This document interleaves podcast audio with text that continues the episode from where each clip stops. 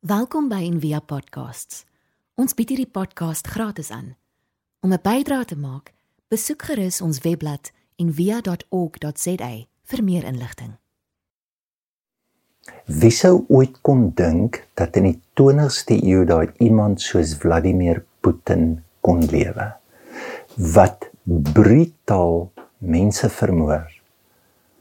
Wie sou kon dink dat vir 'n oomblik word ons hele lewe net soos in COVID tot stilstand gedwing? en besef maar hier is die moontlikheid van 'n derde wêreldoorlog. Wêreldvrede word op die oomblik bedreig. Hierdie ou global village waarin ons lewe en ons voel dit ons verbind is aan mekaar. Ons het vriende wat um, se familielede daar is.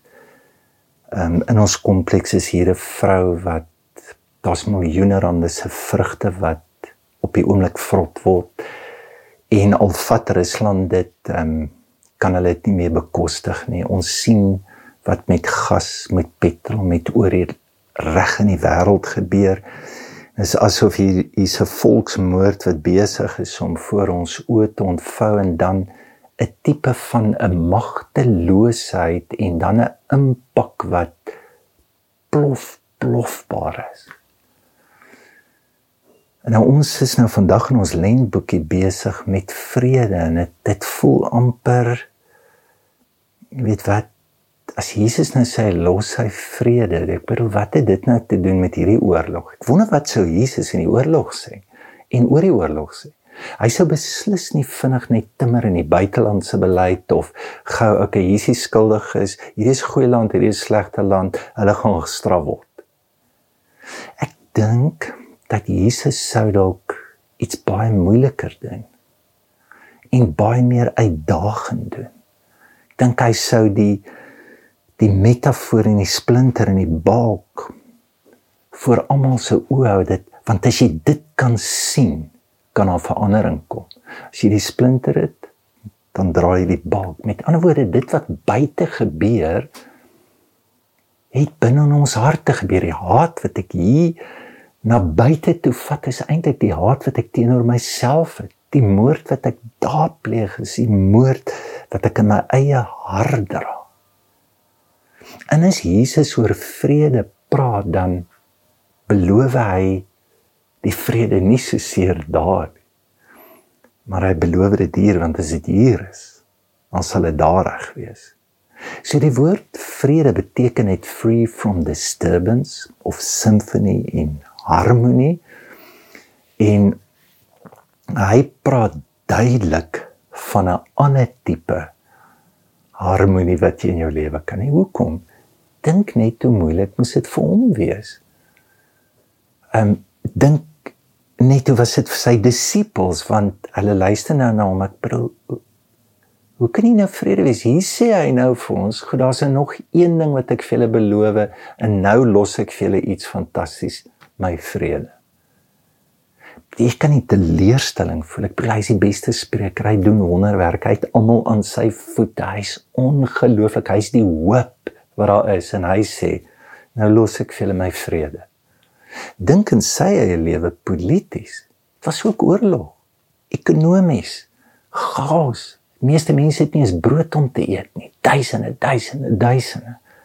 Dink aan vriendskappe, sy eie vriende hom. Dink aan familie, sy familie sê vir my is kranksinnig. Dink aan sy eie innerlike lewe. Sê Here, moet ek dit doen? So duidelik praat Jesus van iets anders as hy praat van vrede. Nou as ons hierdie mooi beeld kan gebruik van musiek wat Fransjo gedoen het. Ja, as die note nie bymekaar kom nie, dan ontwrig dit jou.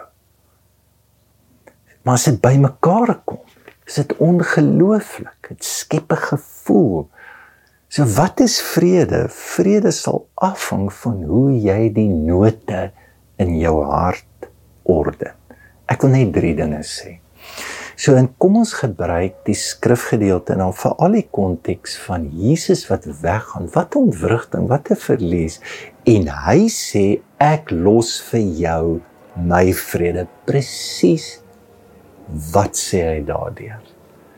soos hierdie vliegtyg wat nou hier oor vlieg wat my vrede nou wegvat. Wat bedoel hy as hy dit sê? Nou almal van ons het al iemand verloor wat naby aan ons is. En dat ons weet ook dat daar kan 'n berusting in wees en 'n diep vrede en 'n 'n wonderlike totsiens sê, maar dit kom nooit dadelik nie. Ehm um, want, want ek dink dit het dalk te doen met hierdie ding as ons iemand verloor daar's 'n verskil tussen dat ek hom nodig het ek het goed nodig maar dat ek hom wil hê so die die wantedness teenoor die neediness. Dit was so met my papi toe hy oorlede is. Ek het net klaar gestudeer en dit was vir ons ongelooflik hartseer en nog 'n groter gemis. Ek het hom eintlik nooit geken nie. Toe my eerste keer wat ek nou kon onthou hom ontmoet ek 9 jaar oud is en hy het vir my gewag voor volkskool daar in die laerskool in Heidelberg en ons het verby mekaar geloop ons het nie geweet wie's wie nie. En toe kon ek hom een keer 'n jaar sien. Uit in Engeland gebly en daar was bietjie meer kontak en toe die ongelooflike hartseer hy's weg. En ek wou hom gehad het en ek het hom eintlik verskriklik nodig gehad vir 'n klomp goed en baie keer vir 'n klomp onafgehandelde goed in my lewe want ek het nooit die guts gehad om seker goed te sê en en ek onthou hoe ek gevoel. Maar soos wat ek ouer geword het dink ek nie ek het hom meer nodig nie. Ek wil ek wil graag hê ek wil by hom wees maar ek het nie meer dit nie. Ek ek ek, ek het berusting. Ek mis hom maar daar's ook 'n berusting. En is miskien wat die Here beloof dat ek sal jou behoeftes van jou sal ek voorsien. God sal elke behoefte nie jou begeertes en jou neediness altyd, maar dit wat jy nodig het gee God. In die tweede plek so hoe los die Here sy vrede? En hoe los ek my vrede? Hoe kan ek vrede bring? So Jesus los die Heilige Gees Wat is die Heilige Gees? Hy's vrede, liefde, blydskap. Sê die een vertaling sê God's energy released in your life. Energie is energy in motion. Dis die vibrasies, dis die ehm um, harmonie van God se teenwoordigheid wat 'n uitdrukking emosioneel in ons lewe is. God beloof dit. En hoe hoe gee jy dit? Jy gee dit en jy kan dit alleen gee op dieselfde manier as wat jy nou lewe. Jou werk, jou vriendskappe, jou koop, jou lewe is waar binne ons God ontmoet en die vrede van God in ons lewe ontdek. En ongelukkig baie van ons dink so daaraan en veral in sekere kerke, jy weet dit is amper magies, daar's autoriteitsfigure en hulle die hulle noem dit anointing.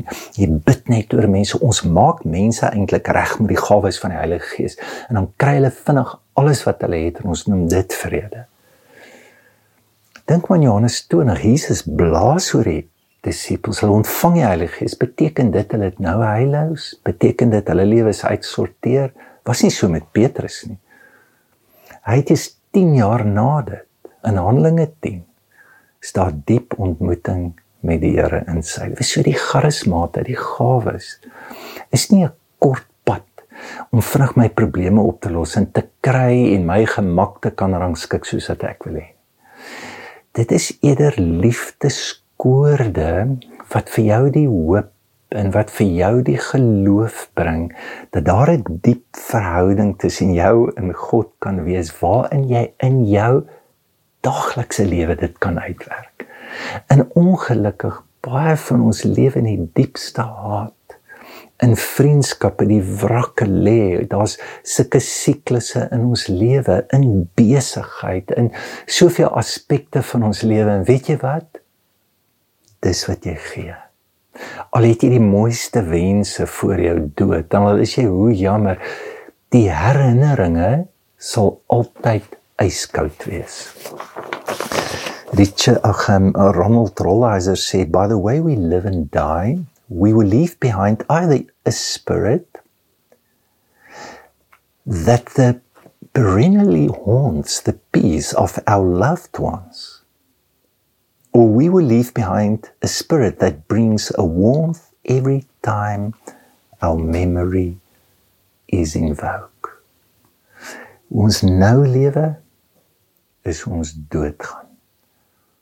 En wat ek nou het sal alleen wat ek los. Dan die laaste ding net weer terug by die metafoor. Verskillende note bring die harmonie. En weet jy wat doen ons? Ons sny sekere note eerder uit. Ons is maar mense vol kontradiksies. Oekraïne en Rusland is nie so eenvoudig nie. Daar's wonderlike mense in Rusland vir die Here lief. Daar's ook 'n klomp mafiosi. Korrupte, korrupte mense in die Oekraïne. Die die skakering van ons harte, ons sukkel ook met dit. En wat ons help om te verstaan is ons temperament, ons persoonlikheid en dis waar die enneagram so waardevol is in die gemeente. So baie van ons stalk meer liberaal. So wat beteken dit? Dit beteken jy reduseer kompleksiteit in jou lewe wat baie keer nodig is. As jy konservatief is, wat's dit? Jy verskerp die spanning tussen goed en kwaad wat ook baie keer baie nodig is. Maar as dit net dit is, dan is ons geneig om ons ideologie, ons teologie en ons wysheid in ons hele lewe word deur ons temperament bepaal. Maar dis heeltemal iets anders. En weet jy wat se prys wat jy betaal? Vrede. Ek dink ons harte is net soveel groter kan soveel meer vashou. Jy's net 'n geestelike wese wat gou hier 'n geestelike kanaaltjie moet oopmaak sodat jy 'n wonderwerk kan kry. Jy's 'n geestelike wese, ja, maar jy het 'n liggaam jy het 'n siel en jy het 'n kop.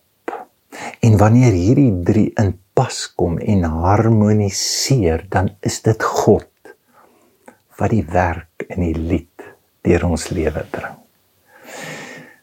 Al is jou omstandighede hoe en al is jy bang vir wat glo sy woorde wat sê ek gaan vir jou iets los ek los vir jou my vrede. Ek wil julle uitnooi ons bid elke dag van 12 tot 20 oor 12 sit ons in stilte en wil julle dit nie saam met ons doen. Daar by jou werk waar jy ook al is. En as jy so voel ons kan vir jou link stuur dan skakel jy sommer in en sit saam met ons maar kom ons bid vir hierdie wêreld.